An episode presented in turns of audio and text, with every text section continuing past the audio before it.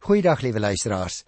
In die vorige program het ons met mekaar gesels oor twee konings wat uh, goed begin regeer het in die suidryk Juda, maar wat teen die einde van die van hulle lewe nie meer die Here gedien het nie. Jy sal onthou ons het gepraat oor Joas en dan ook oor sy seun Amasia. Vandag gaan ons oor twee ander konings met mekaar gesels van die suidryk, twee baie baie beroemde manne. En hulle het die Here onvoorwaardelik gedien en dit is wonderlik om hulle lewensverhale in die Bybel te lees. Die een is koning Usia. Jy het seker al van hom gehoor en dan gaan ek ook met jou gesels oor Jotam. Albei twee manne wat gedoen het wat die Here van hulle verwag het. Ek is dus vandag by 2 Kronieke, die 26ste hoofstuk. En ek wil dadelik vir jou so 'n bietjie eers vertel van Usia want ek gaan met hom begin. Baie interessant in hierdie hoofstuk, ek gaan dit net nou weer lees, vertel die Bybelskrywer vir ons in eh, ek is by 2 Kronieke 26, lees ons in vers 15 en 16 die volgende woorde: Usia se roem het wyd gestrek. Hy het op 'n wonderbare wyse hulp ontvang en hy het 'n magtige man geword. Maar, nou luister nou mooi. Toe hy eenmaal die mag het, het Usia ingenome geword met homself. En dit was die begin van sy einde. Hy het aanmatigend teenoor die Here sy God opgetree. Hy het in die tempel van die Here ingegaan om wierookoffers op die wierookaltaar te bring. En dan sal jy onthou, ek gaan nou nou daarby kom as ek hom behandel, hoe dat hy melaats geword het. Nou, liewe luisteraar, ons kan natuurlik baie maklik in die oomblik van ons grootste sukses ook die heel naaste aan mislukking wees, hoor? As ons nie besef dat ons sukses net aan die Here te danke is nie, dan is daardie prestasies wat jy en ek ook van tyd tot tyd behaal, niks beter nie as mislukkings hoor. Usia was 'n baie suksesvolle koning en hy het beroemd geword vertel die Bybel. Hy was nie net in oorlogstye suksesvol nie hoor, maar ook in vredestyd. En hy kon planne maak, hy kon dit deurvoer. Hy kon bou en landbouprojekte met eweveel sukses aanpak. En ek is seker sommige van die mense wat vandag na ons program luister, is ook sulke suksesvolle mense in hulle beroepslewe elke dag. Miskien is jy 'n boer, 'n baie suksesvolle boer dalk. Usia het egter sy eie belangrikheid en sy eie sukses in al daai goed begin oorskat. Hy was so suksesvol, vertel die Bybel in alles wat hy aangepak het, dat hy geweldig hoogmoedig geraak het. En dit gebeur mos met jou en my ook wanneer ons suksesvol is, dan klop ons baie maklik onsself so bietjie op die skouer. Ons sê ook vir die ander ouens, "Ja, maar dit het daarom baie harde werk gekos." Met ander woorde, ons trek die sukses wat ons behaal het eintlik vir onsself nader asof ons dit alles verdien het en ons vergeet die genade van die Here in plaas van getuig stoot ons onsself op die voorgrond. Nou in Usia se geval het sy hoogmoed hom alle perspektief laat verloor. Hy het gedink dat hy mag het oor alles en dat hy kan doen wat hy wil. Hy wou selfs op 'n stadium die werk van die priesters begin doen. Maar hy het nie daaraan gedink nie dat die Here hom nie as 'n priester aangestel het nie. Hy het nie net vergeet hoeveel die Here vir hom gedoen het nie, maar ook dat God sekere take aan sekere ander mense gegee het en dat hy daardie uitdeel van take en gawes deur die Here moet honoreer. En dit is vir jou en my ook 'n waarskuwing hoor. Want ons praat in ons tyd so baie van gawes en gawes van die Heilige Gees waarvan ons lees. Gaan kyk maar hoe dat ons 'n uh, eh, verskillende gawes van die Here ontvang het, maar daar in 1 Korintiërs 12 staan daar geskrywe: "Die Here deel aan elkeen uit soos hy wil." Met ander woorde, ek moet nie sommer alles wat 'n ander ou beter kan doen as ek ook nog begin oorneem nie. Nou in Osia se geval om hom terug te bring aarde toe, het die Here hom met mag aan die gesag van die priesters onderwerp deur hom uiteindelik melaats te laat word. Met ander woorde, teen die einde van sy lewe en dit was die gebruik in Bybelse tye, het die priesters die finale sê gehad oor wat die melaatse mense moes doen. Daarom moes Usia hom toe by die wet van God neerlê en in afsondering gaan woon tot sy dood. Die God wat mag en sukses aan mense gee, liewe luisteraar, ook aan die koning Usia in die tyd van die Ou Testament. Hy is ook die God wat deur sy almag die hoogmoed tot 'n val kan laat kom. En daarom is koning Usia se lewe vir ons so 'n belangrike leerskool. As ek nou 'n oorsig moet gee van hierdie eerste 23 verse van 2 Kronieke 26, dan moet jy opmerk daarna, liewe luisteraar, die koningsboeke noem hom Asarja. Toe ons dit behandel het, het ek ook vir jou gesê. So as jy dus soms lees van Asarja en soms van Usia, dan moet jy weet ons lees van dieselfde man in die Bybel. Die kroniekeboeke gee nou meer inligting oor Esia as die koningsboeke daar in 2 Konings 15. Die kronikus beeld dan ook vir koning Esia uit as 'n man wie se sukses na sy kop toe gegaan het. Esia was naamlik buitengewoon voorspoedig soos ek jou net nou vertel het en hy het veral op militêre gebied baie groot roem verwerf. Hy het op die Here vertrou en die Here het hom 'n man met groot mag laat word. Kom ek lees die eerste 2 verse. Die bevolking van Juda het vir Usia gevat en hom in Amasia sy pa se plek koning gemaak. Hy was toe 16 jaar oud en hy het Elat herbou en onder die gesag van Juda teruggebring nadat die koning van daardie gebied dood is.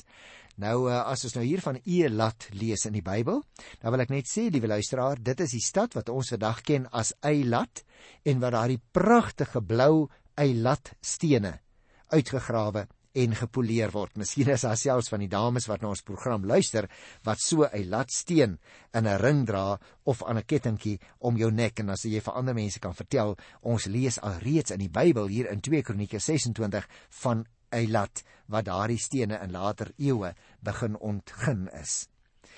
Nou interessant, as 'n mens nou na hierdie verse kyk, dan sien ons in Kronieke word die koning byna deurgangs Isia genoem deur die kroniekskrywer. Die uitsondering is 1 Kronieke 3 vers 12 waar hy ook weer Asaria genoem word soos die koningsboekskrywer. Sommige geleerdes soek die oplossing daarin dat een sy geboortenaam en die ander een sy troonnaam was. Ons weet nie regtig wat die verklaring is nie. Ek wil ook net byvoeg die stad Elat wat hy herbou en onder Juda se gesag teruggebring het, sy huidige naam is dan Eilat.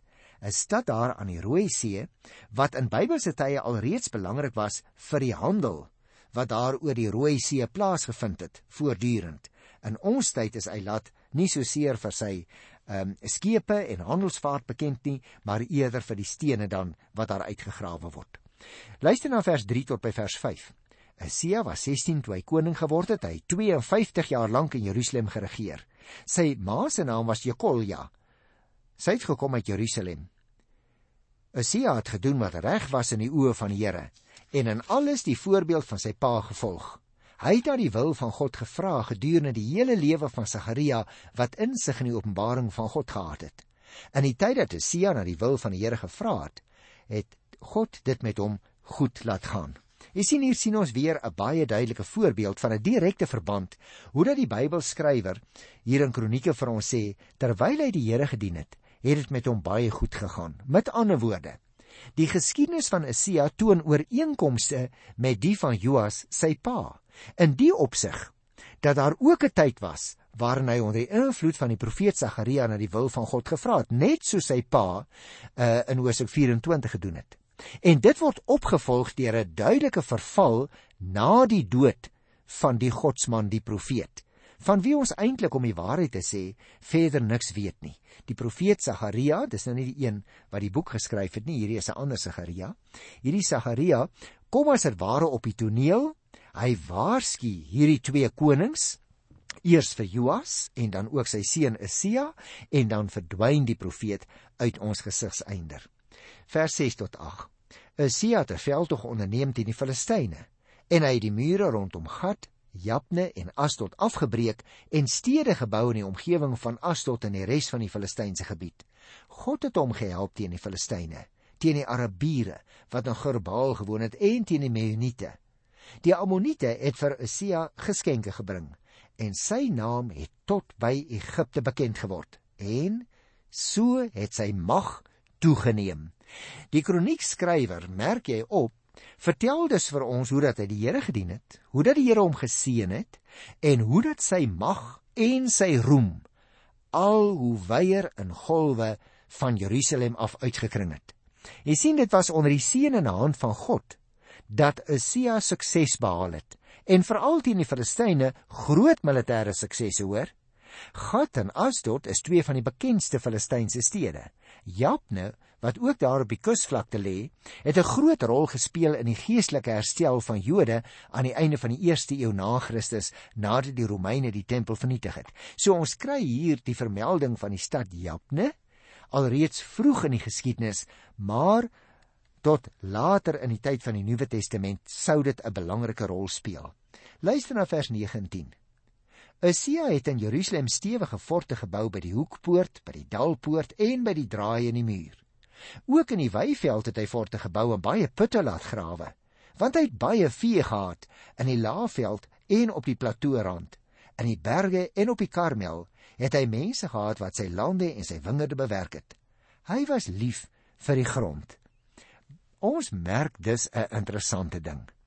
Na sy militêre oorwinnings na buite konsolideer Isia nou sy krag en die ontwikkeling van die land na binne. Hy bou forte en hy versterk die poorte van Jerusalem. En daarboonop ook nog om die veeteelt te ondersteun, laat hy putte grawe. Die Bybel sê hy was lief vir die grond. Met ander woorde, ons kan duidelik verstaan as daar geskrywe is, hy laat sy wingerde en lande bewerk. Interessant ook om 'n gedagte hou Prediker 5 vers 8 kan op hom van toepassing gemaak word van iemand wat die grond bewerk en wat lief is vir die grond. Nou ek gaan nie vers 11 tot 14 lees nie. Hier gaan dit oor sy leer wat hy dan ook paraat en goed bewapen. Met ander woorde, buitelands was hy suksesvol, binnelands met die landbou en die ekonomie en ook nou begin hy om sy leer paraat te bewapen. Ek wil net die 15de versie lees. In Jerusalem het hy uitvindsels gehad. Interessant, né, dat die Bybel dit al vir ons vertel. In Jerusalem het hy uitvindsels gehad wat deur die slim mense ontwerp is en wat bo van die forte en van die hoeke af pile en groot klippe kon afskiet. Sy roem het wyd gestrek. Hy het op 'n wonderbare wyse hulp ontvang en hy het 'n magtige man geword. Met ander woorde, liewe luisteraar, met die hulp van die slim vakmanne word nuwe oorlogsmasjinerie ontwerp en gebou. Die Bybel vertel vir ons dit kon pile en groot klippe afskiet en met die wonderbaarlike hulp van die Here het hy baie sterk geword. Maar nou hier van die 16de versie af, lees ons van die melaatsheid van hierdie man. Want jy sien, en dan gaan eers vir jou die verhaal net oor Hoos vertel. Op die kruin van sy sukses het hy begin vergeet wie aan hom al die mag en die aansien gegee het. Hy het hoogmoedig geraak. Hy was ingenome met homself. Hy wou sy mag nog verder uitbrei en ook oor die tempel die hoogste sê hê. Nadat Nadab en Abihu, jy onthou daar uit Levitikus 10, die eerste 3 verse, wat nie ontzag vir God gehad het nie en wederregtelik weer ook op die tabernakel gaan offer het, oortree Isia nou ook op dieselfde manier deur teen die voorskrifte van die Here in wierook in die tempel te gaan offer. Die voorskrifte van God is dat net die priesters die offer in die heiligdom mag gaan bring.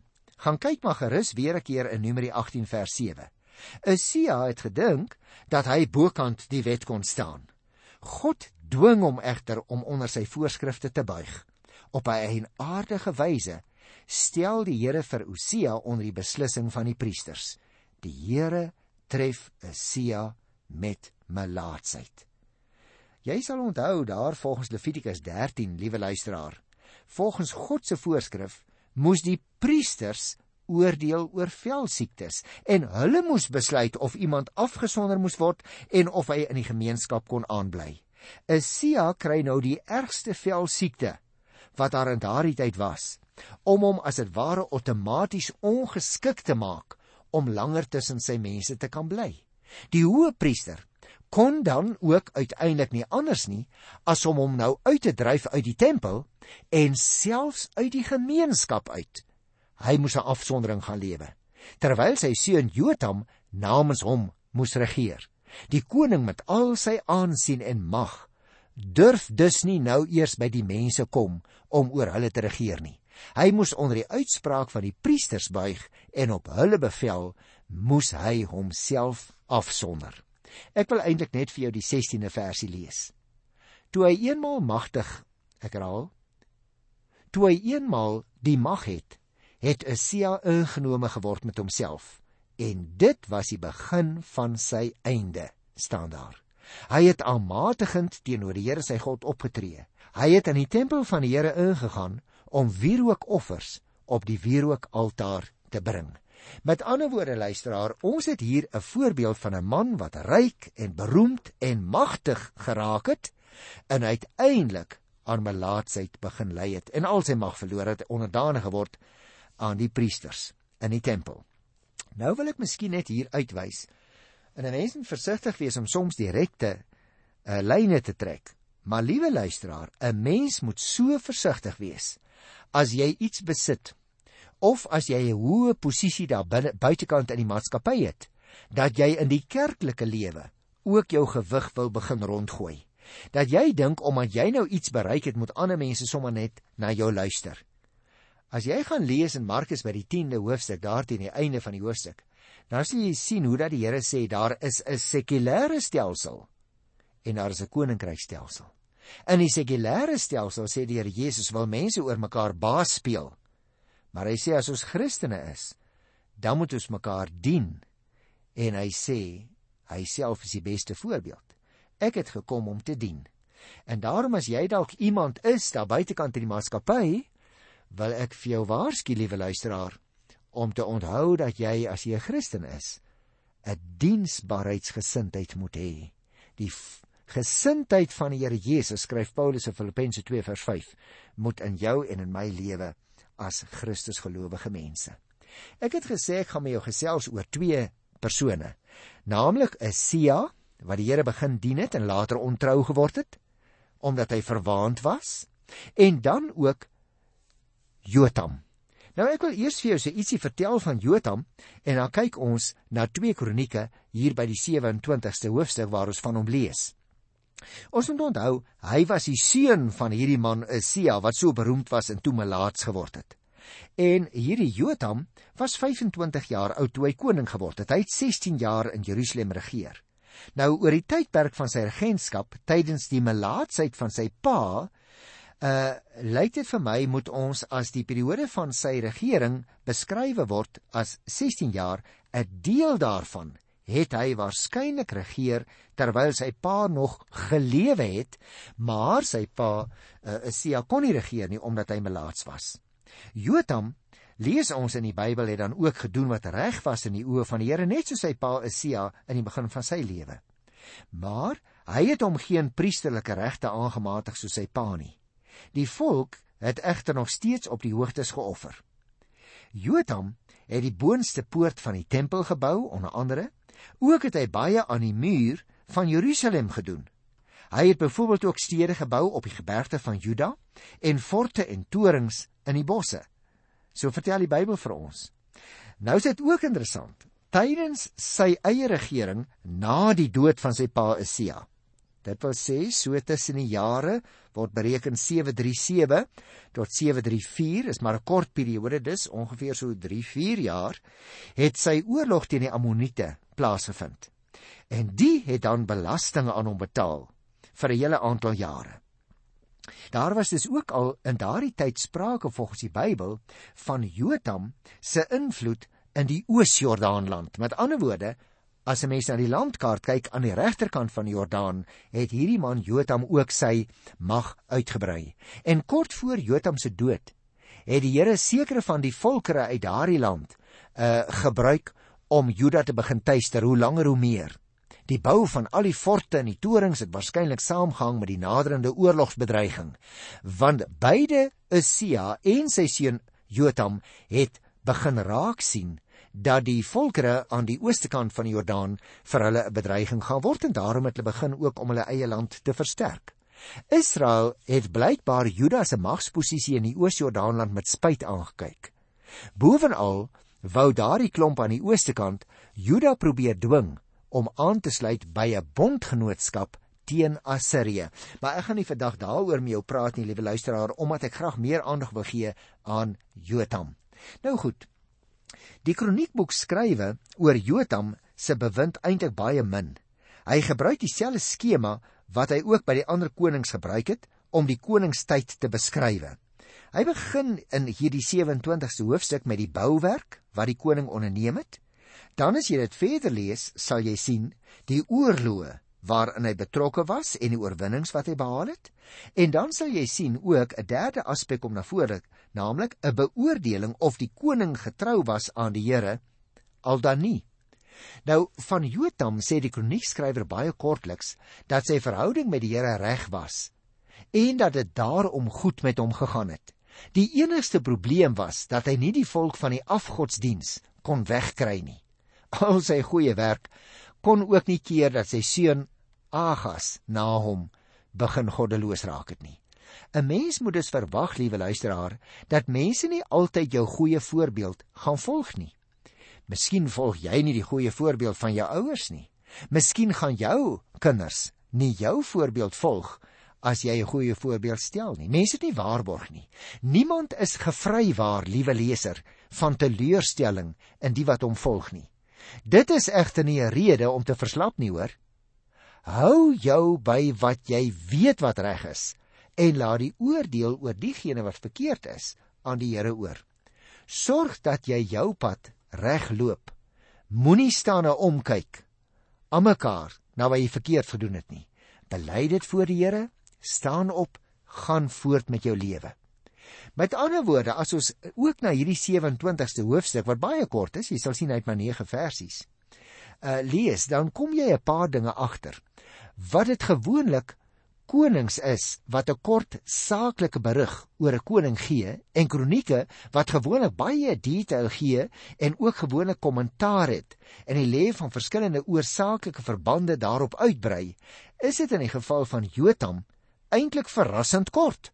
Alles oor hom wat die kroniekboek vir ons wil sê staan hier in die 9 versies van 2 Kronieke 27.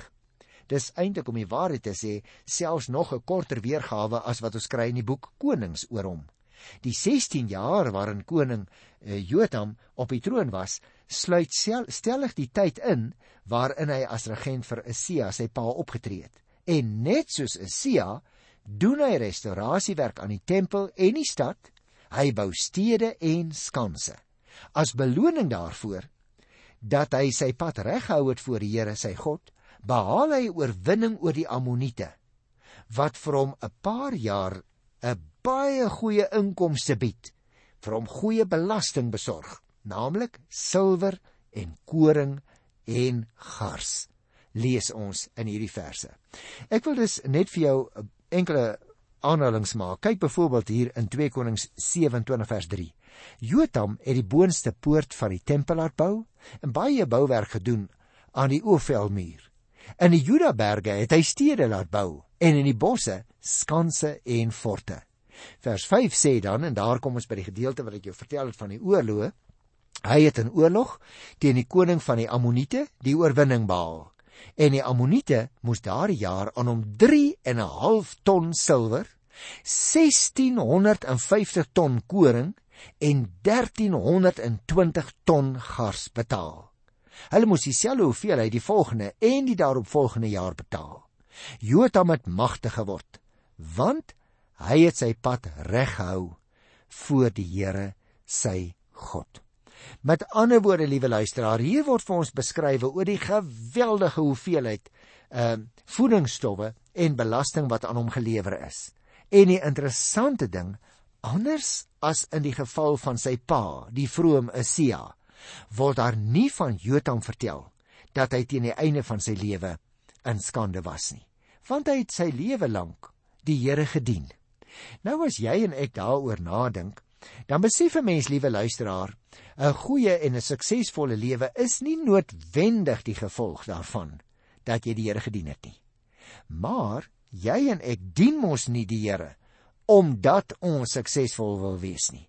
Ons dien die Here onvoorwaardelik. Ons dien hom in voorspoed en in ongety. En daarom wil hierdie verhale ook van sukses vir ons daarop wys. In die een geval, Sia wat die Here dan uiteindelik nie meer gedien het nie, maar omdat hy verwaand geword het, word ons gewaarsku om ook ons suksesse toe te skryf aan die genade van die Here. Ons het dit nie verdien nie.